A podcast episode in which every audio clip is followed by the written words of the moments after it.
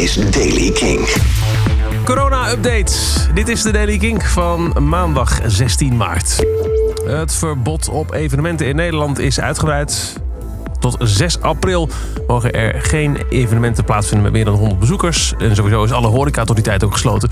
Dus uh, het, het, het, verbod op concerten, om dat maar eventjes uh, zo samen te vatten, duurt langer dan verwacht.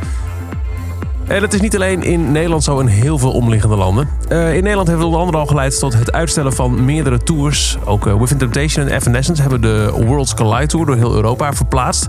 Eigenlijk zou die in april in de Ziggo staan, maar wordt verplaatst naar de herfst van dit jaar. Exacte data zijn er nog niet. En um, veel artiesten geven ook nu shows zonder publiek. Youngblood doet dat vandaag vanuit LA. En de Dropkick Murphys doen dat morgen tijdens St. Patrick's Day. Ja, St. Patrick's Day, geen kroeg open. Op Kink kun je in ieder geval dat concert van De Wolf... dat ze zaterdag hebben gegeven in een lege muziekgieterij in Maastricht beluisteren. Dat gaan we donderdag uitzenden.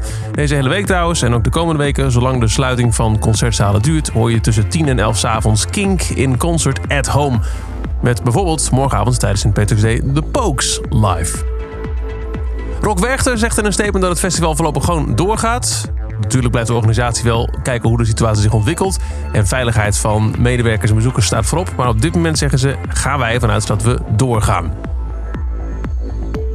Tussen alle cancellations en andere ellende door heeft Electric Castle, een festival in Roemenië, een nieuwe naam aangekondigd. De Chemical Brothers, Placebo Machine Gun Kelly. Eerder werden al onder meer 21 Pilots, Falls en The Neighborhood aangekondigd voor dit concert. En in Amerika doet te midden van alle consternatie rondom corona, waar ook net bekend is geworden dat alle horeca in LA en New York ook dicht moeten en in New York ook alle scholen. Eén grappig dingetje er nog wel. De iTunes charts, voor zover het nog wat voorstelt. De grootste stijger van de afgelopen dagen. R.E.M. It's the end of the world as we know it. Maar het mooie is, I feel fine. Is over de Daily Kink. Elke dag een paar minuten bij met het laatste muzieknieuws. Je hoort de Daily Kink elke dag in de Kink-app op kink.nl of waar je ook maar naar podcast luistert.